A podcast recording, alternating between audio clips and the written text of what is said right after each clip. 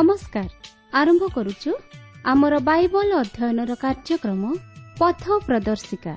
ପବିତ୍ର ବାଇବଲ କହେ କାରଣ ପାପର ବେତନ ମୃତ୍ୟୁ କିନ୍ତୁ ଈଶ୍ୱରଙ୍କ ଅନୁଗ୍ରହ ଦାନ ଆମ୍ଭମାନଙ୍କର ପ୍ରଭୁ ଖ୍ରୀଷ୍ଟ ଯୀଶୁଙ୍କ ସହଭାଗିତାରେ ଅନନ୍ତ ଜୀବନ ଅଟେ। ଆସନ୍ତୁ ସେହି ମୃତ୍ୟୁର ଭୟରୁ ରକ୍ଷା ପାଇ ଅନନ୍ତ ଜୀବନର ଅଧିକାରୀ ହେବା ନିମନ୍ତେ ଶୁଣିବା ବେତାର କାର୍ଯ୍ୟକ୍ରମ ପଥ ପ୍ରଦର୍ଶିକା।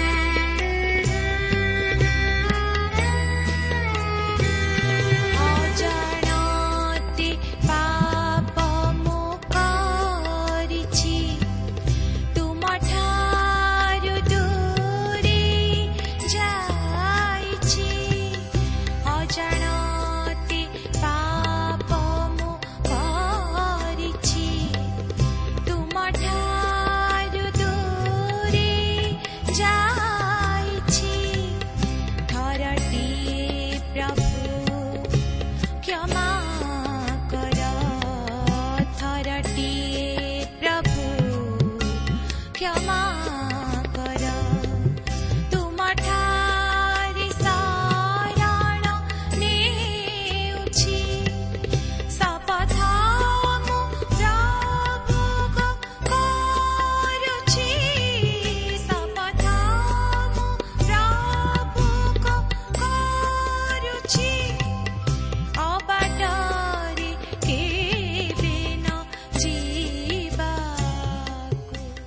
ପ୍ରିୟ ଶ୍ରୋତା ବନ୍ଧୁ ଆଜିର ଏହି ଶୁଭ ଅବସରରେ ଆମମାନଙ୍କର ସୃଷ୍ଟିକର୍ତ୍ତା ତଥା ଉଦ୍ଧାରକର୍ତ୍ତା ପ୍ରଭୁ ଯୀଶୁଖ୍ରୀଷ୍ଟଙ୍କ ବହୁମୂଲ୍ୟ ନାମରେ ଶୁଭେଚ୍ଛା ଜଣାଇ ଆଜିର ଏହି ପଥ ପ୍ରଦର୍ଶିକା କାର୍ଯ୍ୟକ୍ରମର ଅଂଶ ହେବା ନିମନ୍ତେ ସ୍ୱାଗତ କରେ ଆପଣଙ୍କର ସହଯୋଗ ନିମନ୍ତେ ତଥା ମତାମତ ନିମନ୍ତେ ବିଶେଷ ଧନ୍ୟବାଦ ଆପଣଙ୍କର ଅନୁରୋଧ ରକ୍ଷା କରି ଆମେ ଆପଣଙ୍କ ନିମନ୍ତେ ପ୍ରାର୍ଥନା କରୁଅଛୁ ସେହି ପ୍ରଭୁ ଯୀଶୁ ନିଶ୍ଚିତ ଭାବରେ ଆପଣଙ୍କର ସମସ୍ୟା ସମାଧାନ କରିବେ ସେଥିସହିତ ଆପଣଙ୍କ ନିମନ୍ତେ ଏକ ଉପାଦେୟ ପୁସ୍ତକ ପଠାଇଛୁ ତାହା ବୋଧହୁଏ ଆପଣଙ୍କର ହସ୍ତଗତ ହୋଇସାରିଥିବ ତେଣୁ ତାହା ଅଧ୍ୟୟନ କରନ୍ତୁ ଆଉ ତହିଁରୁ କିଛି ଶିକ୍ଷା ଗ୍ରହଣ କଲେ ତାହା ତୁରନ୍ତ ପତ୍ର ମାଧ୍ୟମରେ ଆମ ନିକଟକୁ ଲେଖି ଜଣାନ୍ତୁ।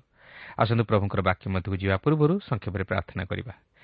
ପବିତ୍ର ପ୍ରଭୁ ତୁମର ପବିତ୍ର ନାମର ଧନ୍ୟବାଦ କରୁଅଛି ସୁନ୍ଦର ସମୟ ପାଇଁ ତୁମର ଜୀବନ୍ତ ବାକ୍ୟ ପାଇଁ। ହଁ ପ୍ରଭୁ ଆଜିର ଏ ବାକ୍ୟ ମଧ୍ୟ ଦେଇ ତୁମେ ଆମମାନଙ୍କ ସହିତ କଥା କୁହ। ପ୍ରଭୁ ତୁମେ ଆମମାନଙ୍କୁ ବିଶ୍ୱାସରେ ବଳିଷ୍ଠ କରାଅ। ତୁମର ଇଚ୍ଛା ଅଭିମତ ପ୍ରଭୁ ତୁମେ ଆମମାନଙ୍କ ଜୀବନ ସଫଳ କର। ପାପ ଉପରେ ବିଜୟ ଜୀବନ ଯାପନ କରିବା ପାଇଁ ଆମମାନଙ୍କୁ ଶକ୍ତି ଦିଅ। ପ୍ରତ୍ୟେକ ଶ୍ରୋତାବନ୍ଧୁମାନଙ୍କୁ ତୁମେ ଆଶୀର୍ବାଦ କରି ପ୍ରତ୍ୟେକଙ୍କୁ ଆତ୍ମିକ ଜୀବନରେ ବର୍ଦ୍ଧିଷ୍ଣୁ କରାଅ। ପ୍ରତ୍ୟେକଙ୍କର ସମସ୍ୟା ତୁମେ ସମାଧାନ କର। ଏହି ସମସ୍ତ ପ୍ରାର୍ଥନା ପ୍ରିୟ ପ୍ରଭୁ ଯୀଶୁଙ୍କ ନାଁରେ ମାଗୁଅଛୁ ଆମେନ୍।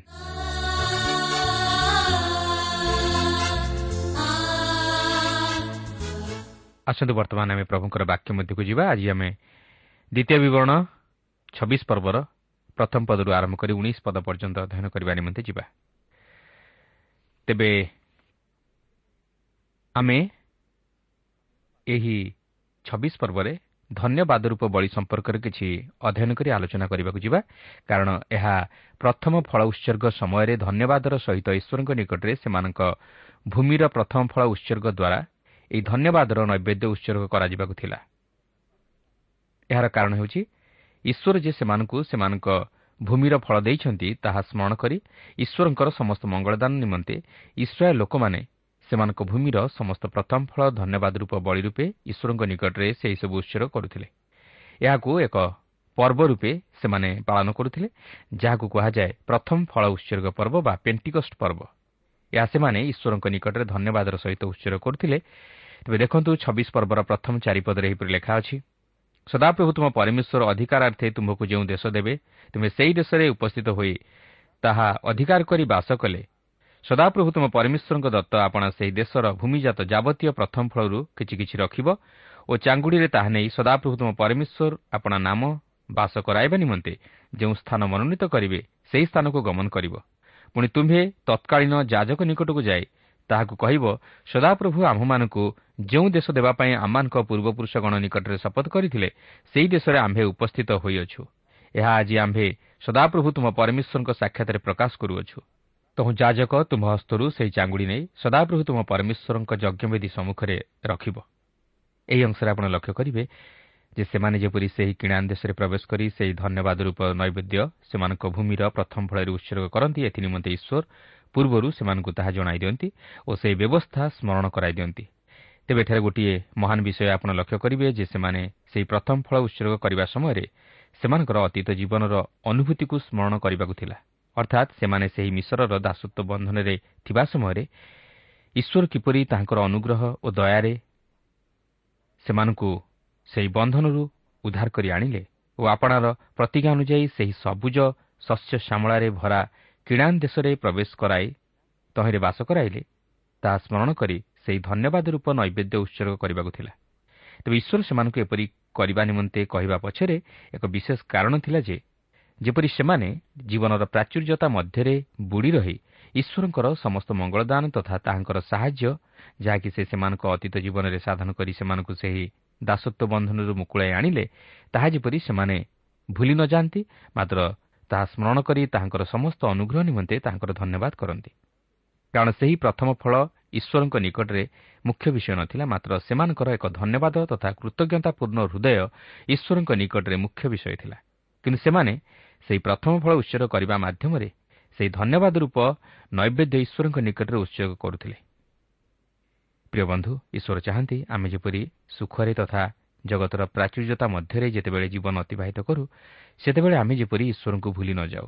ମାତ୍ର ବିଗତ ଦିନମାନଙ୍କରେ ତାହାଙ୍କର ସମସ୍ତ ଅନୁଗ୍ରହ ତଥା ଦୟାକୁ ସ୍ମରଣ କରି ସୁଖର ସମୟରେ ତାହାଙ୍କର ଧନ୍ୟବାଦ କରୁ। କିନ୍ତୁ ଅନେକ ସମୟରେ ଆମ ଜୀବନରେ ଏହା ବିପରୀତ ଦେଖାଯାଏ। ଅର୍ଥାତ୍ ଆମେ ଦୁଃଖରେ ତାହାଙ୍କୁ ଡାକୁ ମାତ୍ର ସୁଖରେ ତାହାଙ୍କୁ ଭୁଲିଯାଉ ପ୍ରିୟ ବନ୍ଧୁ ମୁଁ ଆପଣଙ୍କୁ ଏକ ପ୍ରଶ୍ନ ପଚାରିବାକୁ ଚାହେଁ। ତାହା ହେଉଛି ଯେ ଆପଣ ଆପଣଙ୍କର ଜନ୍ମ ସମୟରୁ ଏପର୍ଯ୍ୟନ୍ତ ଯେଉଁ ସମସ୍ତ ଅନୁଭୂତି ମଧ୍ୟ ଦେଇ ଗତି କରି ଆସିଛନ୍ତି ସେହି ସମସ୍ତ ଅନୁଭୂତିକୁ କେବେ ସ୍ମରଣ କରି ଈଶ୍ୱରଙ୍କୁ ଧନ୍ୟବାଦ ଦେଇପାରିଛନ୍ତି କି? ଆଚ୍ଛା ଛାଡ଼ନ୍ତୁ ସେ କଥା। ମୁଁ ଆପଣଙ୍କୁ ଆଉ ଏକ ବିଷୟ ପଚାରିବାକୁ ଚାହେଁ ଯେ ଆପଣ ଏପର୍ଯ୍ୟନ୍ତ ଯେଉଁ ବଞ୍ଚି ରହିଛନ୍ତି ଏହା କାହା ଲାଗି ସମ୍ଭବ ହୋଇଛି ତାହା କେବେ ଚିନ୍ତା କରିଛନ୍ତି କି? ଯଦି ଚିନ୍ତା କରିପାରିଛନ୍ତି ତାହେଲେ ଆପଣ କେତେଥର ଈଶ୍ୱରଙ୍କ ସମସ୍ତ ଅନୁଗ୍ରହ ମଙ୍ଗଳଦାନକୁ ସ୍ମରଣ କରି ତାହାଙ୍କର ଧନ୍ୟବାଦ କରିପାରିଛନ୍ତି? ଯଦି ଆପଣ ତାହା କରିପାରିଛନ୍ତି ତାହେଲେ ଅତି ଉତ୍ତମ କଥା।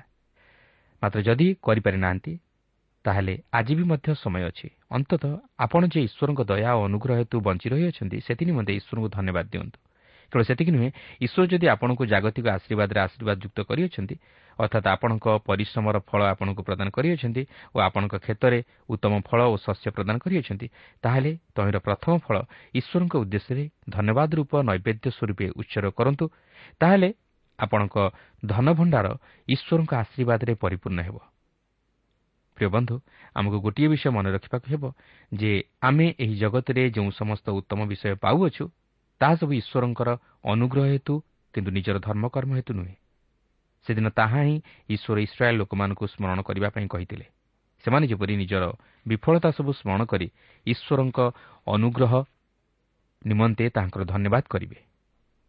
ପ୍ରିୟ ବନ୍ଧୁ ଯେପର୍ଯ୍ୟନ୍ତ ଆମେ ନିଜର ଦୁର୍ବଳତାକୁ ଉପଲବ୍ଧି କରିନାହୁଁ ସେ ପର୍ଯ୍ୟନ୍ତ ଆମେ ଈଶ୍ୱରଙ୍କ ସମସ୍ତ ମଙ୍ଗଳଦାନକୁ ସ୍ମରଣ କରି ତାହାଙ୍କର ଧନ୍ୟବାଦ କରିପାରିବା ନାହିଁ କି ତାହାଙ୍କର ନିକଟବର୍ତ୍ତୀ ହୋଇପାରିବା ନାହିଁ। ଆପଣ ଯଦି ବାସ୍ତବରେ ନିଜର ଦୁର୍ବଳତାକୁ ସ୍ମରଣ କରିବେ ତାହେଲେ ଈଶ୍ୱରଙ୍କର ସମସ୍ତ ଅନୁଗ୍ରହ ଓ ମଙ୍ଗଳଦାନକୁ ହେଜ କରିପାରିବେ ଓ ଆପଣ ତାହାଙ୍କର ଧନ୍ୟବାଦ ନ କରି ରହିପାରିବେ ନାହିଁ। କିନ୍ତୁ ଦୁଃଖର ବିଷୟ ମନୁଷ୍ୟ ଆଜି ନିଜର ଆତ୍ମଧାର୍ମିକତାରେ ଅନ୍ଧ ହୋଇ ଈଶ୍ୱରଙ୍କଠାରୁ ଦୂରବର୍ତ୍ତୀ ଜୀବନ କାଟୁଅଛି।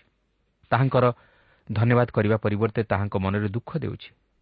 ତଥାପି ଈଶ୍ୱର ଦୟାବହି ପ୍ରଭୁ ଯୀଶୁଖ୍ରୀଷ୍ଟଙ୍କ ହେତୁ ଆମମାନଙ୍କୁ କ୍ଷମା ଦେଇ ଚାଲିଛନ୍ତି। ମାତ୍ର ଆମେ ଯଦି ସେହି ଅନୁଗ୍ରହକୁ ପ୍ରତ୍ୟାଖ୍ୟାନ କରି ତାହାଙ୍କଠାରୁ ଦୂରବର୍ତ୍ତୀ ଜୀବନ କାଟୁ ତାହେଲେ ସମୟ ଆସିବ। ସେହି ଅନୁଗ୍ରହ ଆଉ ନଥିବ। ମାତ୍ର ଏକ ଭୟଙ୍କର ବିଚାର ଆମମାନଙ୍କ ନିମନ୍ତେ ପ୍ରତୀକ୍ଷା କରି ରହିଥିବ। ତେଣୁ ଭାବନ୍ତୁ ନାହିଁ ଯେ ଆପଣଙ୍କର ବିଚାର ନାହିଁ ବୋଲି। ଈଶ୍ୱର ନିଶ୍ଚୟ ପ୍ରତ୍ୟେକଙ୍କର ବିଚାର କରିବାକୁ ଯାଉଅଛନ୍ତି। ଆଉ ସେହି ବିଚାର ଅତି ଭୟଙ୍କର। ତେଣୁକରି ସେ ଆମମାନଙ୍କୁ ତାଙ୍କର ବାକ୍ୟ ଦ୍ୱାରା ସ୍ମରଣ କରାଇ ଦିଅନ୍ତି ଯେ ଆମେ ଯେପରି ନିଜର ବିଫଳତାକୁ ସ୍ମରଣ କରୁ ଓ ତହିଁ ସଙ୍ଗେ ସଙ୍ଗେ ଈଶ୍ୱରଙ୍କ ଅନୁଗ୍ରହ ତଥା ମଙ୍ଗଳଦାନ ସବୁକୁ ହେଜ କରି ତାହାଙ୍କର ଧନ୍ୟବାଦ କରୁ। ଏହାପରେ ଏହି ଛବିଶ ପର୍ବର ପାଞ୍ଚ ପଦରେ ଲେଖା ଅଛି ପୁଣି ତୁମେ ସଦାପ୍ରଭୁ ତୁମ ପରମେଶ୍ୱରଙ୍କ ସମ୍ମୁଖରେ ଉତ୍ତର ଦେଇ କହିବ ଏକ ଜଣ ନଷ୍ଟକଳ୍ପ ଅରାମୀୟ ଲୋକ ଆମ୍ଭର ପିତା ଥିଲା ଓ ସେ ଅଳ୍ପ ସଂଖ୍ୟକ ହୋଇ ମିଶ୍ୱରକୁ ଯାଇ ପ୍ରବାସ କଲା। ପୁଣି ସେ ସ୍ଥାନରେ ସେ ମହାନ ଓ ବଳବାନ ଓ ବହୁ ସଂଖ୍ୟକ ଏକ ଗୋଷ୍ଠୀ ହୋଇ ଉଠିଲା। ଦେଖନ୍ତୁ ଏହି ଅଂଶରେ ଏକ ସ୍ୱୀକାରୋକ୍ତିର ବିଷୟ ଉଲ୍ଲେଖ କରାଯାଏ। ସେହି ଇସ୍ରାଏଲ୍ ଲୋକମାନେ କେବଳ ଯେ ନିଜର ଦୁର୍ବଳତାକୁ ସ୍ମରଣ କରିବାକୁ ଥିଲା ତାହା ନୁହେଁ ପ୍ରଥମେ ସେମାନେ ତାହା ସ୍ୱୀକାର କରିବାକୁ ଥିଲା। ତାହା ଏହିପରି ଥିଲା ଏକ ଜଣ ନଷ୍ଟକଳ୍ପ ଅରାମୀୟ ଲୋକ ଆମ୍ଭର ପିତା ଥିଲା। ତେବେ ଏହାର ଅର୍ଥ କ'ଣ? ଅବ୍ରାହମ କ'ଣ ଜଣେ ଇସ୍ରାଏଲୀୟ ଥିଲେ? ନୁହେଁ ସେ ପ୍ରକୃତିରେ ଜଣେ ଇସ୍ରାଏଲୀୟ ଲୋକ ନଥିଲେ ତେବେ ଇସାହାକ କ'ଣ ଇସ୍ରାଏଲୀୟ ଲୋକ ଥିଲେ? ନୁହେଁ ଜାକୁବ କ'ଣ ଇସ୍ରାଏଲୀୟ ଲୋକ ଥିଲେ? ଦେଖିବାକୁ ଗଲେ ଜାକୁବ ମଧ୍ୟ ଇସ୍ରାଏଲୀୟ ଲୋକ ନଥିଲେ ବାସ୍ତବରେ ଯେଉଁ ଏକ ଦଳ ମିଶ୍ର ଦେଶକୁ ଯାଇଥିଲେ ସେମାନେ ଅରାମୀୟ ଲୋକ ଥିଲେ। ଅବ୍ରାହମ ଇସ୍ରାଏଲୀୟ ଲୋକ ନଥିଲେ କି ଇସ୍ମାଇଲୀୟ ଲୋକ ନଥିଲେ ମାତ୍ର ଜାତୀୟତା ଅନୁଯାୟୀ ସେ ଜଣେ ଅରାମୀୟ ଲୋକ ଥିଲେ। ସେ ନଷ୍ଟକଳ୍ପ ଥିଲେ ଓ ସେ ବିନଷ୍ଟ ହେବାକୁ ଯାଉଥିଲେ। ମାତ୍ର ଈଶ୍ୱର ତାହାଙ୍କୁ ଆହ୍ୱାନ କଲେ ଓ ସେହି ବିନାଶର କୂପରୁ ତାହାଙ୍କୁ ଉଦ୍ଧାର କରି ତାହାଙ୍କଠାରୁ ଏକ ମହାନ ବଳବାନ ଓ ବହୁ ସଂଖ୍ୟକ ଏକ ଗୋଷ୍ଠୀ ଜାତ କରାଇଲେ। ତେଣୁ ସେମାନେ ଯେ ଈଶ୍ୱରଙ୍କ ମନୋନୀତ ଜାତି ବୋଲି ନିଜକୁ ଗର୍ବ ଅନୁଭବ କରିବେ ତାହା ନୁହେଁ ମାତ୍ର ସେମାନଙ୍କ ପିତା ଯେ ଜଣେ ନଷ୍ଟକଳ୍ପ ଅରାମୀୟ ଲୋକ ଥିଲେ ତାହା ସ୍ମରଣ କରିବାକୁ ଥିଲା ଓ ସ୍ୱୀକାର କରିବାକୁ ଥିଲା। ତେଣୁ ପଙ୍କ ଭିତରୁ ଯେପରି ପଦ୍ମ ଫୁଟେ ସେହିପରି ଈଶ୍ୱର ଇସ୍ରାଏଲ୍ ଜାତିକୁ ମନୋନୀତ କଲେ ଓ ଇସ୍ରାଏଲ୍ ନାମରେ ନାମିତ କଲେ। ପ୍ରିୟ ବନ୍ଧୁ ଆଜି ଆମେ ଯାହା କିଛି ହୋଇଅଛୁ ତାହା ଆମମାନଙ୍କର ଧର୍ମକର୍ମ ହେତୁ ନୁହେଁ ବା ଆମର ଯୋଗ୍ୟତା ହେତୁ ନୁହେଁ ମାତ୍ର ଈଶ୍ୱରଙ୍କର ଅସୀମ ଅନୁଗ୍ରହ ହେତୁ। ପ୍ରକୃତରେ ଆମେ ଯଦି ନିଜର ଜୀବନକୁ ସମୀକ୍ଷା କରିବା ତାହେଲେ ଆମେ ଜାଣିପାରିବା ଯେ ଆମେ ଏହି ଜଗତରେ ବଞ୍ଚି ରହିବା ନିମନ୍ତେ ମଧ୍ୟ ଯୋଗ୍ୟ ନୁହଁ। ମାତ୍ର ଧନ୍ୟ ସେହି ଈଶ୍ୱର ଯିଏକି ଆମମାନଙ୍କୁ ତାହାଙ୍କ ଅସୀମ ଅନୁଗ୍ରହରେ ଏହି ଜଗତରେ ବଞ୍ଚି ରହିବା ପାଇଁ ସୁଯୋଗ ଦେଇଅଛନ୍ତି। କିନ୍ତୁ ଏହି ସୁଯୋଗର ଯଦି ଆମେ ସଦ୍ବ୍ୟବହାର ନ କରୁ ତାହେଲେ ସମୟ ଆସିବ ଆମେ ସେହି ଉଦ୍ଧାର ପାଇବା ପାଇଁ ଉପାୟ ଖୋଜିବା ମାତ୍ର ପାଇବା ନାହିଁ। ତେଣୁ ସମୟ ଥାଉଁ ଥାଉଁ ନିଜର ଦୁର୍ବଳତାକୁ ସ୍ୱୀକାର କରି ପ୍ରଭୁ ଯୀଶୁଙ୍କର ସେହି କୃଷିୟ ମୃତ୍ୟୁକୁ ସ୍ମରଣ କରି ଈଶ୍ୱରଙ୍କର ସେହି ଅନୁଗ୍ରହ ନିମନ୍ତେ ତାହାଙ୍କର ଧନ୍ୟବାଦ କରୁ ଓ ତାହାଙ୍କ ନିକଟରେ ଧନ୍ୟବାଦ ରୂପ ନୈବେଦ୍ୟ ଉତ୍ସର୍ଗ କରୁ। ଏଠାରେ ମଧ୍ୟ ଆମକୁ ଆଉ ଏକ ଶିକ୍ଷା ମିଳେ ଯେ ଆମେ ନିଜ ଜମିର ପ୍ରଥମ ପକ୍ୱ ଫଳରେ ତାହାଙ୍କର ସମାଧାନ କରୁ ଓ ତାହାଙ୍କ ନିକଟରେ ଧନ୍ୟବାଦ ସ୍ୱରୂପେ ଉତ୍ସର୍ଗ କରୁ। ଈଶ୍ୱର ଆପଣଙ୍କ ଜମିରେ ଯେଉଁ ସମସ୍ତ ଫଳ ଓ ଶସ୍ୟ ଦେଇଅଛନ୍ତି ତହିଁର ପ୍ରଥମ ପକ୍ୱ ଫଳ ନେଇ ଈଶ୍ୱରଙ୍କ ଉଦ୍ଦେଶ୍ୟରେ ଉତ୍ସର୍ଗ କରନ୍ତୁ। ଓ ନିଜର ବିଫଳତାକୁ ସ୍ମରଣ କରି ଈଶ୍ୱରଙ୍କର ସମସ୍ତ ମଙ୍ଗଳଦାନ ନିମନ୍ତେ ତାହାଙ୍କର ଧନ୍ୟବାଦ କରନ୍ତୁ। ଈଶ୍ୱର ତାହା ହିଁ ଆମ ପ୍ରତ୍ୟେକଙ୍କ ଜୀବନରୁ ଆଶା କରନ୍ତି। ଆମେ ଯେପରି ସୁଖରେ ମଧ୍ୟ ତାଙ୍କର ଧନ୍ୟବାଦ କରି ତାହାଙ୍କ ସହ ସଂଯୁକ୍ତ ଜୀବନଯାପନ କରୁ କିନ୍ତୁ ସୁଖରେ ତାହାଙ୍କୁ ଭୁଲି ନ ଯାଉ। ଆସନ୍ତୁ ଏହାପରେ ଆମେ ଛବିଶ ପର୍ବର ଛଅ ପଦରୁ ଏଗାର ପଦ ମଧ୍ୟରେ ପାଠ କରିବାକୁ ଯିବା। ଦେଖନ୍ତୁ ଏଠାରେ ଏହିପରି ଲେଖା ଅଛି ତହିଁରେ ମିଶ୍ରୀୟ ଲୋକମାନେ ଆମ୍ଭମାନଙ୍କ ପ୍ରତି ଦୌରାତ୍ମ୍ୟ କଲେ ଓ ଆମମାନଙ୍କୁ କ୍ଲେଶ ଦେଇ କଠିନ ଦାସତ୍ୱ କରାଇଲେ। ତହୁଁ ଆମ୍ଭେମାନେ ସଦାପ୍ରଭୁ ଆମମାନଙ୍କ ପୈତୃକ ପରମେଶ୍ୱରଙ୍କ ନିକଟରେ ଡାକ ପକାଇଲୁ ଆଉ ସଦାପ୍ରଭୁ ଆମମାନଙ୍କ ରବ ଶୁଣିଲେ ଓ ଆମମାନଙ୍କ କ୍ଲେଶ ଶ୍ରମ ଓ ଉପଦ୍ରବ ଦେଖିଲେ। ପୁଣି ସଦାପ୍ରଭୁ ବଳବାନ ହସ୍ତ ଦ୍ୱାରା ଓ ବିସ୍ତୀର୍ଣ୍ଣ ବାହୁ ଦ୍ୱାରା ଓ ମହାତ୍ରାସ ଦ୍ୱାରା ଓ ନାନା ଚିହ୍ନ ଦ୍ୱାରା ଓ ଆଶ୍ଚର୍ଯ୍ୟ କର୍ମ ଦ୍ୱାରା ଆମ୍ଭମାନଙ୍କୁ ମିଶରରୁ ବାହାର କରି ଆଣିଲେ। ଆଉ ସେ ଆମମାନଙ୍କୁ ଏହି ସ୍ଥାନକୁ ଆଣିଅଛନ୍ତି। ଓ ଏହି ଦେଶ ଏକ ଦୁଗ୍ଧମଧୁ ପ୍ରବାହୀ ଦେଶ ଆମମାନଙ୍କୁ ଦେଇଅଛନ୍ତି। ଏବେ ହେ ସଦାପ୍ରଭୁ ଦେଖ ତୁମ୍ଭେ ଆମ୍ଭକୁ ଯେଉଁ ଭୂମି ଦେଇଅଛ ଆମ୍ଭେ ତହିଁର ପ୍ରଥମ ଫଳ ଆଣିଅଛୁ। ଏଉତାରେ ତୁମେ ସଦାପ୍ରଭୁ ତୁମ ପରମେଶ୍ୱରଙ୍କ ସମ୍ମୁଖରେ ତାହା ରଖିବ ଓ ସଦାପ୍ରଭୁ ତୁମ ପରମେଶ୍ୱରଙ୍କ ସମ୍ମୁଖରେ ପ୍ରଣାମ କରିବ।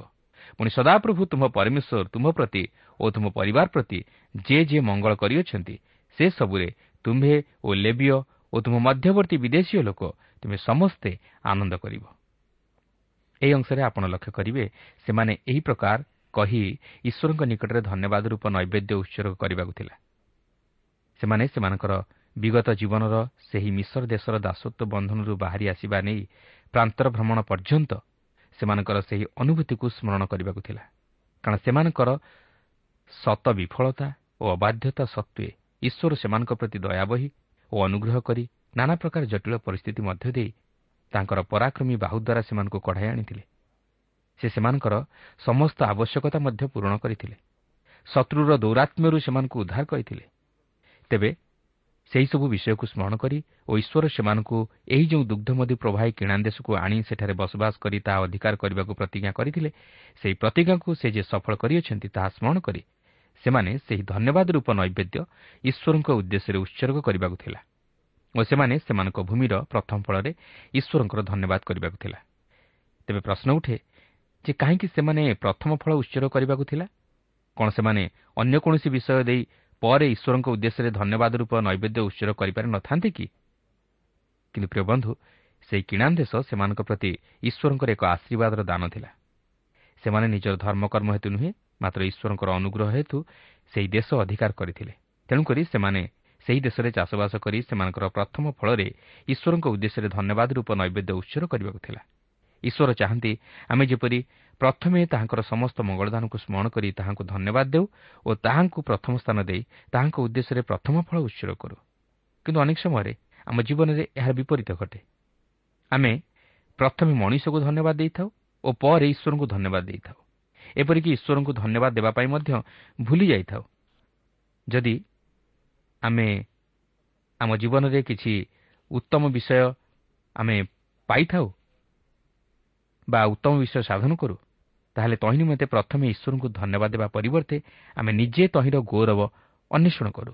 ଯଦି କିଏ ଆମକୁ ସାହାଯ୍ୟ କଲା ତାହେଲେ ଆମେ ତାହାକୁ ପ୍ରଥମେ ଧନ୍ୟବାଦ ଦେଇଥାଉ। ମାତ୍ର ଈଶ୍ୱରଙ୍କୁ ନୁହେଁ। ହଁ ମୁଁ କହୁନାହିଁ ଯେ ଆମେ ମଣିଷକୁ ଧନ୍ୟବାଦ ଦେବା ନାହିଁ ବୋଲି। ମାତ୍ର ମୋର କହିବାର କଥା ଆମେ ପ୍ରଥମେ ଈଶ୍ୱରଙ୍କୁ ଧନ୍ୟବାଦ ଦେବା ଉଚିତ। ଯେପର୍ଯ୍ୟନ୍ତ ଆମେ ଈଶ୍ୱରଙ୍କ ନିକଟରେ ଧନ୍ୟବାଦୀ ହୋଇନାହୁଁ ସେ ପର୍ଯ୍ୟନ୍ତ ଆମେ ଈଶ୍ୱରଙ୍କ ମନରେ ଦୁଃଖ ଦେଉ। ଈଶ୍ୱର ଚାହାନ୍ତି ଆମେ ଯେପରି ଆମର ସମସ୍ତ ଉତ୍ତମ ବିଷୟ ତଥା ମଙ୍ଗଳଦାନ ନିମନ୍ତେ ପ୍ରଥମେ ଈଶ୍ୱରଙ୍କୁ ଧନ୍ୟବାଦ ଦେଉ। ଦେଖନ୍ତୁ ଦ୍ୱିତୀୟ ବିବରଣ ଛବିଶ ପର୍ବର ବାର ଓ ତେର ପଦରେ ଏହିପରି ଲେଖା ଅଛି ତୃତୀୟ ବର୍ଷରେ ଅର୍ଥାତ୍ ଦଶମାଂଶ ବର୍ଷରେ ତୁମ୍ଭେ ଆପଣା ଉତ୍ପନ୍ନ ଶସ୍ୟାଦିର ଦଶମାଂଶ ଦେବାର ସମାପ୍ତ କଲା ଉତ୍ତାରେ ତୁମ୍ଭେ ଲେବିୟକୁ ବିଦେଶୀକି ପିତୃହୀନକୁ ଓ ବିଧବାକୁ ତାହା ଦେବ। ତାହେଲେ ସେମାନେ ତୁମ୍ଭ ନଗରଦ୍ୱାର ମଧ୍ୟରେ ଭୋଜନ କରି ତୃପ୍ତ ହେବେ। ତେଣୁ ତୁମେ ସଦାପ୍ରଭୁ ତୁମ ପରମେଶ୍ୱରଙ୍କ ସମ୍ମୁଖରେ ଏହା କହିବ ମୋ ପ୍ରତି ତୁମ୍ଭର ସମସ୍ତ ଆଜ୍ଞାନୁସାରେ ମୁଁ ଆପଣା ଗୃହରୁ ପବିତ୍ର ବସ୍ତୁ ବାହାର କରି ପୃଥକ ରଖିଅଛି। ମଧ୍ୟ ଲେବିୟକୁ ଓ ବିଦେଶୀକି ପିତୃହୀନକୁ ଓ ବିଧବାକୁ ଦେଇଅଛି। ମୁଁ ତୁମର କୌଣସି ଆଜ୍ଞା ଲଙ୍ଘନ କରିନାହିଁ କେବଳ ତାହା ପାଶୁରି ନାହିଁ। ଏହି ଅଂଶରେ ଆପଣ ଲକ୍ଷ୍ୟ କରିବେ ଯେ ସେମାନଙ୍କର ବାଧ୍ୟତାର ପ୍ରତ୍ୟୁତ୍ତର ସେମାନେ ତାହା ଯେ ପାଳନ କରିବାକୁ ଥିଲା ଏହା ଈଶ୍ୱର ପୂର୍ବରୁ ସେମାନଙ୍କୁ ଜଣାଇ ଦିଅନ୍ତି। ଆଉ ଯଦି ସେମାନେ ତାହା ପାଳନ କରନ୍ତି ତାହେଲେ ସେମାନେ ସେହି କିଣା ଦେଶରେ ବାସ କରି ସମସ୍ତ ଜାତିଙ୍କଠାରୁ ଯେ ଶ୍ରେଷ୍ଠ ବିବେଚିତ ହୋଇ ଈଶ୍ୱରଙ୍କ ଆଶୀର୍ବାଦର ଅଧିକାରୀ ହେବେ ଏହା ଈଶ୍ୱର ପ୍ରକାଶ କରନ୍ତି। ଓ ସେହି ସମସ୍ତ ଆଜ୍ଞାକୁ ଇସ୍ରାଏଲ୍ ଲୋକମାନେ ପାଳନ କରିବାକୁ ଥିଲା। ଏଠାରେ ଆପଣ ଦେଖିବେ ଯେ ସେମାନେ ସେମାନଙ୍କ ଉତ୍ପନ୍ନ ଶସ୍ୟାଦିର ଦଶମାଂଶ ଦେବାକୁ ଥିଲା। ସେମାନେ ତାହା ଲେବିୟକୁ ବିଦେଶୀକି ପିତୃହୀନକୁ ବିଧବାକୁ ତାହା ଦେବାକୁ ଥିଲା। ତେବେ ଏହି ଦଶମାଂଶ କ'ଣ ବୋଲି ଆପଣଙ୍କ ମନରେ ପ୍ରଶ୍ନ ଉଠିପାରେ? ଏହି ଦଶମାଂଶ ଈଶ୍ୱରଙ୍କ ନିମନ୍ତେ ଉତ୍ସର୍ଗୀକୃତ ଏକ ଅଂଶ ଥିଲା ଯାହାକି ଇସ୍ରାଏଲ୍ ସନ୍ତାନଗଣ ସେମାନଙ୍କର ସମସ୍ତ ଆୟର ଦଶମାଂଶ ଈଶ୍ୱରଙ୍କ ନିମନ୍ତେ ଉତ୍ସର୍ଗ କରୁଥିଲେ। ଅର୍ଥାତ୍ ସେମାନଙ୍କ ଆୟର ବା ଉତ୍ପନ୍ନ ଶସ୍ୟର ଶହେ ଭାଗରୁ ଦଶ ଭାଗ ଈଶ୍ୱରଙ୍କ ଉଦ୍ଦେଶ୍ୟରେ ଉତ୍ସର୍ଗ କରୁଥିଲେ। ତେଣୁକରି ଏଠାରେ ମଧ୍ୟ ଆପଣ ଦେଖିବେ ଯେ ସେମାନେ ସେମାନଙ୍କର ଭୂମିରୁ ଉତ୍ପନ୍ନ ଶସ୍ୟର ଦଶମାଂଶ ଉତ୍ସର୍ଗ କରିବାକୁ ଥିଲା ଓ ତାହା ଲେବିୟ ଅର୍ଥାତ୍ ଈଶ୍ୱରଙ୍କ ସେବକମାନଙ୍କୁ ବିଦେଶୀକୁ ପିତୃହୀନକୁ ଓ ବିଧବାକୁ ତାହା ଦେବାକୁ ଥିଲା। ତେବେ ସେମାନେ ଯେପରି ତାହା ପାଳନ କରି ଈଶ୍ୱରଙ୍କଠାରୁ ଆଶୀର୍ବାଦର ଅଧିକାରୀ ହୁଅନ୍ତି ଏଥିନିମନ୍ତେ ଈଶ୍ୱର ଏହି ସମସ୍ତ ଆଜ୍ଞା ପ୍ରଦାନ କରିଥିଲେ। କିନ୍ତୁ ବର୍ତ୍ତମାନ ଯଦିଓ ସେହିପରି ଦଶମାଂଶ ଦେବା ବାଧ୍ୟବାଧକତା ନୁହେଁ ମାତ୍ର ଯେଉଁମାନେ ତାହା ଦିଅନ୍ତି ସେମାନଙ୍କ ପ୍ରତି ଈଶ୍ୱରଙ୍କର ଆଶୀର୍ବାଦ ବର୍ତ୍ତେ। ବର୍ତ୍ତମାନ ଯଦିଓ ଆମେ ବ୍ୟବସ୍ଥାର ଅଧୀନରେ ନାହୁଁ ମାତ୍ର ଖ୍ରୀଷ୍ଟଙ୍କ ଅଧୀନରେ ଅଛୁ। ଓ ପ୍ରଭୁ ଯୀଶୁ ଖ୍ରୀଷ୍ଟ ଯଦିଓ ଦଶମାଂଶ ଦେବା ନିମନ୍ତେ କୁହନ୍ତି ନାହିଁ ମାତ୍ର ସେ ଗୋଟିଏ କଥା କହନ୍ତି କାଇଶ୍ୱରଙ୍କର ଯାହା ତାହା କାଇଶ୍ୱରଙ୍କୁ ଦିଅ ଓ ଈଶ୍ୱରଙ୍କର ଯାହା ତାହା ଈଶ୍ୱରଙ୍କୁ ଦିଅ। ତେଣୁ ଈଶ୍ୱରଙ୍କର ଯାହା ଅଧିକାର ତାହା ଆମେ ଈଶ୍ୱରଙ୍କୁ ମଧ୍ୟ ଦେବା ଉଚିତ। ଈଶ୍ୱର ଯେ କେବଳ ଆମର ଦେହ ମନ ଓ ଆତ୍ମାକୁ ଚାହାନ୍ତି ତାହା ନୁହେଁ। ସେଥିସହିତ ସେ ମଧ୍ୟ ଚାହାନ୍ତି ଆମେ ଯେପରି ତାହାଙ୍କର ଭଣ୍ଡାରକୁ ପରିପୂର୍ଣ୍ଣ କରି ରଖୁ ଓ ପରସ୍ପର ପ୍ରତି କର୍ତ୍ତବ୍ୟ କରୁ। ସେଦିନ ସେମାନେ ସେହି ଭୂମିରୁ ଉତ୍ପନ୍ନ ଶସ୍ୟାଦିର ଦଶମାଂଶ ଲେବିୟମାନଙ୍କୁ ବିଦେଶୀ କି ପିତୃହୀନକୁ ଓ ବିଧବାକୁ ଦେବାକୁ ଥିଲା ଯାହାକି ପରସ୍ପର ପ୍ରତି ଏକ କର୍ତ୍ତବ୍ୟର ବିଷୟକୁ ପ୍ରକାଶ କରେ। ପ୍ରିୟ ବନ୍ଧୁ ଈଶ୍ୱର ଯଦି ଆପଣଙ୍କୁ ବହୁଳ ଭାବରେ ଆଶୀର୍ବାଦ କରି ଆପଣଙ୍କର ଧନଭଣ୍ଡାରକୁ ପରିପୂର୍ଣ୍ଣ କରି ରଖିଅଛନ୍ତି ତାହେଲେ ଆପଣ ଈଶ୍ୱରଙ୍କ ଧନଭଣ୍ଡାର ନିମନ୍ତେ କେବେ ଚିନ୍ତା କରିଛନ୍ତି କି? ଅନ୍ୟ ଦୁଃଖୀ ଦରିଦ୍ର ଓ ଅନାଥ ତଥା ବିଧବାମାନଙ୍କୁ ସାହାଯ୍ୟ କରିଛନ୍ତି କି? ତେଣୁ ଈଶ୍ୱରଙ୍କ ସେବା ନିମନ୍ତେ ନିଜ ଆୟର ଦଶମାଂଶ ଉତ୍ସର୍ଗ କରନ୍ତୁ ଓ ଦୁଃଖୀ ଦରିଦ୍ର ତଥା ଅନାଥମାନଙ୍କର ଓ ବିଧବାମାନଙ୍କର ଉପକାର କରନ୍ତୁ। ଦେଖନ୍ତୁ ସେହି ଦଶମାଂଶକୁ ମଧ୍ୟ ଅତି ସାବଧାନତାର ସହିତ ଓ ପବିତ୍ରତାର ସହିତ ପୃଥକ କରି ରଖିବାକୁ ଥିଲା। ଛବିଶ ପର୍ବର ଚଉଦ ପଦରେ ଲେଖା ଅଛି ମୁଁ ଆପଣା ଶୋକ ସମୟରେ ତହିଁରୁ କିଛି ଭୋଜନ କରିନାହିଁ ଅବା ଅଶୁଚି ହୋଇ ତହିଁରୁ କିଛି ରଖିନାହିଁ କିମ୍ବା ମୃତ ଲୋକ ଉଦ୍ଦେଶ୍ୟରେ ତହିଁରୁ କିଛି ଦେଇନାହିଁ ମୁଁ ସଦାପ୍ରଭୁ ଆପଣ ପରମେଶ୍ୱରଙ୍କ ରବରେ ଅବଦାନ କରିଅଛି। ତୁମ୍ଭେ ମୋତେ ଯାହା ଯାହା ଆଜ୍ଞା କଲ ସେ ସମସ୍ତ ମୁଁ କରିଅଛି। ଦେଖନ୍ତୁ ସେହି ଦଶମାଂଶକୁ ସେମାନେ କେତେ ସାବଧାନତାର ସହିତ ପୃଥକ କରି ରଖୁଥିଲେ। ଏପରିକି ସେମାନେ ନିଜର ଅଭାବ ସମୟରେ ମଧ୍ୟ ସେଥିରୁ କିଛି ଭୋଜନ କରୁନଥିଲେ କିମ୍ବା ଅଶୁଚି ହୋଇ ତାହା ସ୍ପର୍ଶ କରୁନଥିଲେ କିମ୍ବା ଅଶୁଚି ତଥା ଅପବିତ୍ର କାର୍ଯ୍ୟ ନିମନ୍ତେ ମଧ୍ୟ ତହିଁରୁ କିଛି ବ୍ୟବହାର କରୁନଥିଲେ। କାରଣ ସେହିସବୁ ବିଷୟରେ ସେମାନଙ୍କୁ ପବିତ୍ରତା ରକ୍ଷା କରିବାକୁ ଥିଲା। କିନ୍ତୁ ଦେଖାଯାଏ ଯେ ଅନେକ ଲୋକ ଏହି ଦଶମାଂଶ ଦେବାରେ ଅବହେଳା କରନ୍ତି ଓ ଯଦି ବା ଦିଅନ୍ତି ମାତ୍ର ତହିଁରେ ବିଶ୍ୱସ୍ତତା ରକ୍ଷା କରିପାରନ୍ତି ନାହିଁ। ସେମାନଙ୍କ ଅଭାବ ସମୟରେ ସେଥିରୁ ଖର୍ଚ୍ଚ କରିଦିଅନ୍ତି। କିନ୍ତୁ ଈଶ୍ୱର ଚାହାନ୍ତି ଆମେ ଯେପରି ତହିଁରେ ବିଶ୍ୱସ୍ତତା ରକ୍ଷା କରୁ। ତେଣୁକରି ସେ ସେଦିନ ଇସ୍ରାଏଲ୍ ଲୋକମାନଙ୍କୁ ଏହି ଦଶମାଂଶ ଦେବା ବିଷୟ ନେଇ ଆଜ୍ଞା ଦେଇଥିଲେ ଯେପରି ସେମାନେ ତାହା ବିଶ୍ୱସ୍ତ ଭାବରେ ଈଶ୍ୱରଙ୍କ ଉଦ୍ଦେଶ୍ୟରେ ପୃଥକ କରି ରଖନ୍ତି ଓ ତାହାଙ୍କର ସେବକମାନଙ୍କୁ ତଥା ଦୁଃଖୀ ଦରିଦ୍ର ଅନାଥ ଓ ବିଧବାମାନଙ୍କୁ ସାହାଯ୍ୟ କରନ୍ତି। ଯଦ୍ୱାରା ସେମାନେ ତାହା ପାଳନ କରିବା ଦ୍ୱାରା ଈଶ୍ୱରଙ୍କ ଆଶୀର୍ବାଦର ଅଧିକାରୀ ହୋଇ ଏକ ମହାନ ଜାତି ରୂପେ ଗଣିତ ହୁଅନ୍ତି। ଆଉ ଏହା ପାଳନ କରିବେ ବୋଲି ଇସ୍ରାଏଲ୍ ସନ୍ତାନଗଣ ସମ୍ମତି ପ୍ରକାଶ କରିଥିଲେ ଯାହାକି ଆମେ ଛବିଶ ପର୍ବର ଷୋହଳରୁ ସତର ପଦ ମଧ୍ୟରେ ଲକ୍ଷ୍ୟ କରିବାକୁ ପାରୁ। ଏହା ଥିଲା ଇସ୍ରାଏଲ୍ ସନ୍ତାନଗଣଙ୍କର ଅଙ୍ଗୀକାର। ଏହି ସମସ୍ତ କରିବେ ବୋଲି ସେମାନେ ସମ୍ମତି ଜଣାଇଥିଲେ। କାରଣ ଏହା କରିବା ନିମନ୍ତେ ଈଶ୍ୱର ସେମାନଙ୍କୁ ନିର୍ଦ୍ଦେଶ ଦେଇଥିଲେ। କିନ୍ତୁ ଏଥିସହିତ ଈଶ୍ୱର ମଧ୍ୟ ସେମାନଙ୍କ ନିକଟରେ ପ୍ରତିଜ୍ଞା କରି କହିଥିଲେ ଯେ ଯଦି ତୁମେମାନେ ମୋହର ଆଜ୍ଞା ପାଳନ କରି ବଶୀଭୂତ ହୋଇ ରହିବ ତାହେଲେ ମୁଁ ମଧ୍ୟ ତୁମମାନଙ୍କୁ ସମସ୍ତ ଜାତି ଓ ଗୋଷ୍ଠୀ ଉପରେ ଅଧିକ ଉଚ୍ଚୀକୃତ କରିବି ଓ ତୁମମାନଙ୍କୁ ମୋହର ସନ୍ତାନ ରୂପେ ଗ୍ରହଣ କରି ଆଶୀର୍ବାଦ କରିବି। ତେଣୁକରି ଏହି ଛବିଶ ପର୍ବର ଅଠର ଉଣେଇଶ ପଦରେ ଏହିପରି ଲେଖା ଅଛି ପୁଣି ସଦାପ୍ରଭୁ ଆଜି ଏହି ଅଙ୍ଗୀକାର କରିଅଛନ୍ତି ଯେ ତାହାଙ୍କ ପ୍ରତିଜ୍ଞାନୁସାରେ ତୁମେ ତାହାଙ୍କର ସଞ୍ଚିତ ଧନ ହେବ ଓ ତାହାଙ୍କର ସମସ୍ତ ଆଜ୍ଞା ମାନିବ ପୁଣି ସେ ତୁମକୁ ପ୍ରଶଂସାରେ ଓ ନାମରେ ଓ ଶୋଭାରେ ଆପଣାର ସୃଷ୍ଟ ସମସ୍ତ ଦେଶୀୟ ଲୋକମାନଙ୍କ ଅପେକ୍ଷା ଶ୍ରେଷ୍ଠ କରିବେ। ଆଉ ତୁମ୍ଭେ ତାହାଙ୍କ ବାକ୍ୟାନୁସାରେ ସଦାପ୍ରଭୁ ତୁମ ପରମେଶ୍ୱରଙ୍କ ଉଦ୍ଦେଶ୍ୟରେ ପବିତ୍ର ଲୋକ ହେବ। ଦେଖନ୍ତୁ ଈଶ୍ୱର ମଧ୍ୟ ସେମାନଙ୍କ ସହିତ ଅଙ୍ଗୀକାର କରି ସେମାନଙ୍କୁ ଆଶୀର୍ବାଦ କରି ପ୍ରଶଂସାରେ ନାମରେ ଓ ଶୋଭାରେ ଆପଣାର ସୃଷ୍ଟ ସମସ୍ତ ଦେଶୀୟ ଲୋକମାନଙ୍କ ଅପେକ୍ଷା ଶ୍ରେଷ୍ଠ କରିବେ ବୋଲି କହନ୍ତି। ମାତ୍ର ସେ ଚାହାନ୍ତି ସେମାନେ ଯେପରି ତାଙ୍କର ଆଜ୍ଞାର ବଶୀଭୂତ ହୋଇ ରୁହନ୍ତି ଓ ତାହାଙ୍କ ଆଦେଶ ପାଳନ କରନ୍ତି। କିନ୍ତୁ ଦୁଃଖର ବିଷୟ ଇସ୍ରାଏଲ୍ ସନ୍ତାନଗଣ ଈଶ୍ୱରଙ୍କର ଆଜ୍ଞା ବିରୁଦ୍ଧ ଜୀବନ କାଟି ସେହି ଆଶୀର୍ବାଦରୁ ବଞ୍ଚିତ ହେଲେ ଯାହାକି ଆମେ ପରେ ପାଠ କଲେ ଜାଣିପାରିବା। ସେମାନେ ଈଶ୍ୱରଙ୍କର ସେବା କରିବା ପରିବର୍ତ୍ତେ ପ୍ରତିମା ପୂଜାରେ ଆସକ୍ତ ହେଲେ ଓ ନିଜ ନିଜର ପାପରେ ଲିପ୍ତ ହେଲେ। ଫଳତଃ ସେମାନଙ୍କ ପ୍ରତି ଈଶ୍ୱରଙ୍କର କ୍ରୋଧ ବର୍ତ୍ତିଲା ଓ ସେମାନେ ଶତ୍ରୁମାନଙ୍କ ଦ୍ୱାରା ବନ୍ଦୀ ହୋଇଗଲେ। ସେମାନେ ଯଦିଓ ଈଶ୍ୱରଙ୍କ ଆଜ୍ଞା ପାଳନ କରିବେ ବୋଲି ଅଙ୍ଗୀକାର କରିଥିଲେ ମାତ୍ର ତାହା ପାଳନ କରିବାରେ ବିଫଳ ହୋଇଥିଲେ କାରଣ ଏହା ହିଁ ହେଉଛି ମନୁଷ୍ୟର ଦୁର୍ବଳତା। ମଣିଷ ଯେଉଁ ସମସ୍ତ ଉତ୍ତମ କର୍ମ କରିବା ନିମନ୍ତେ ଇଚ୍ଛା କରେ ତାହା କରିପାରେ ନାହିଁ। ମାତ୍ର ଯେଉଁ ମନ୍ଦ କର୍ମ ସେ କରିବା ପାଇଁ ଇଚ୍ଛା କରେ ନାହିଁ ତାହା କରେ। କାରଣ ତାହାଠାରେ ଥିବା ପାପର ସ୍ୱଭାବ ତାହାକୁ ତାହା କରିବା ପାଇଁ ପ୍ରବର୍ତ୍ତାଏ। ତେବେ ଏଠାରେ ଲକ୍ଷ୍ୟ କରିବାର ବିଷୟ ହେଉଛି ଯେ ସେଦିନ ଇସ୍ରାଏଲ୍ ସନ୍ତାନଗଣ ଯେପରି ସମ୍ମତି ପ୍ରକାଶ କରି ତାହା ପାଳନ କରିବାରେ ବିଫଳ ହେଲେ ଆଜି ମଧ୍ୟ ଆମେ ସେହିପରି ପାଳନ କରିବାରେ ବିଫଳ ହୋଇଅଛୁ। ମାତ୍ର ଈଶ୍ୱର ତାଙ୍କର ସେହି ଅସୀମ ଅନୁଗ୍ରହ ଓ ପ୍ରେମ ପ୍ରଭୁ ଯୀଶୁଖ୍ରୀଷ୍ଟଙ୍କ ମାଧ୍ୟମରେ ପ୍ରକାଶ କରି ଆମମାନଙ୍କ ନିମନ୍ତେ ସେହି ଉଦ୍ଧାରର ଯୋଜନା ପ୍ରସ୍ତୁତ କରିଅଛନ୍ତି। ଯେପରି ଆମ୍ଭେମାନେ ସେହି ପ୍ରଭୁ ଯୀଶୁଖ୍ରୀଷ୍ଟଙ୍କ ମାଧ୍ୟମ ଦେଇ ଈଶ୍ୱରଙ୍କ ସହିତ ସହଭାଗିତା ସ୍ଥାପନ କରିପାରୁ।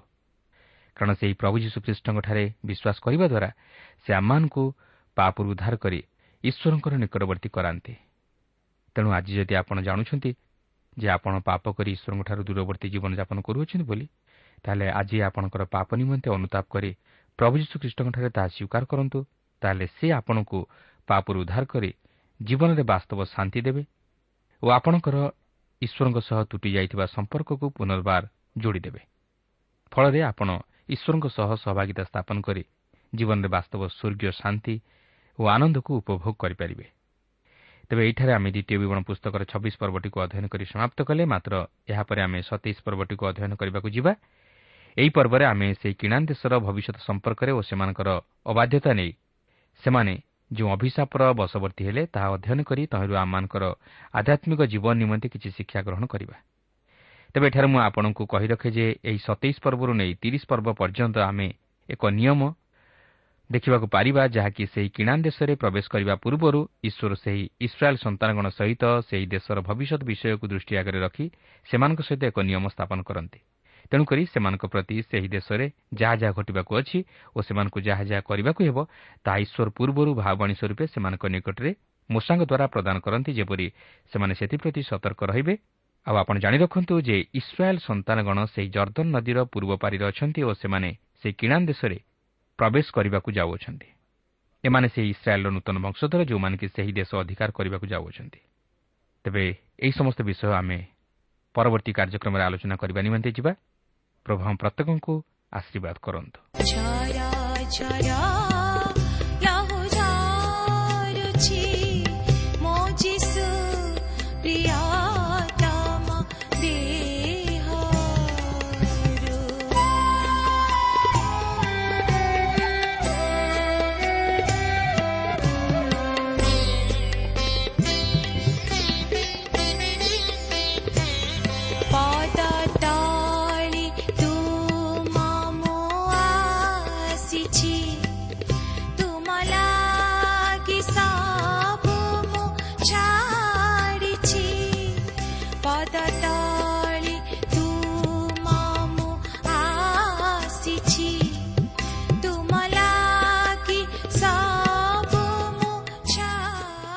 ଶ୍ରୋତା ଆପଣ ଈଶ୍ୱରଙ୍କ ବାକ୍ୟ ଶୁଣିବା ନିମନ୍ତେ ସମୟ ଦେଇଥିବାରୁ ଆମେ ଧନ୍ୟବାଦୀ।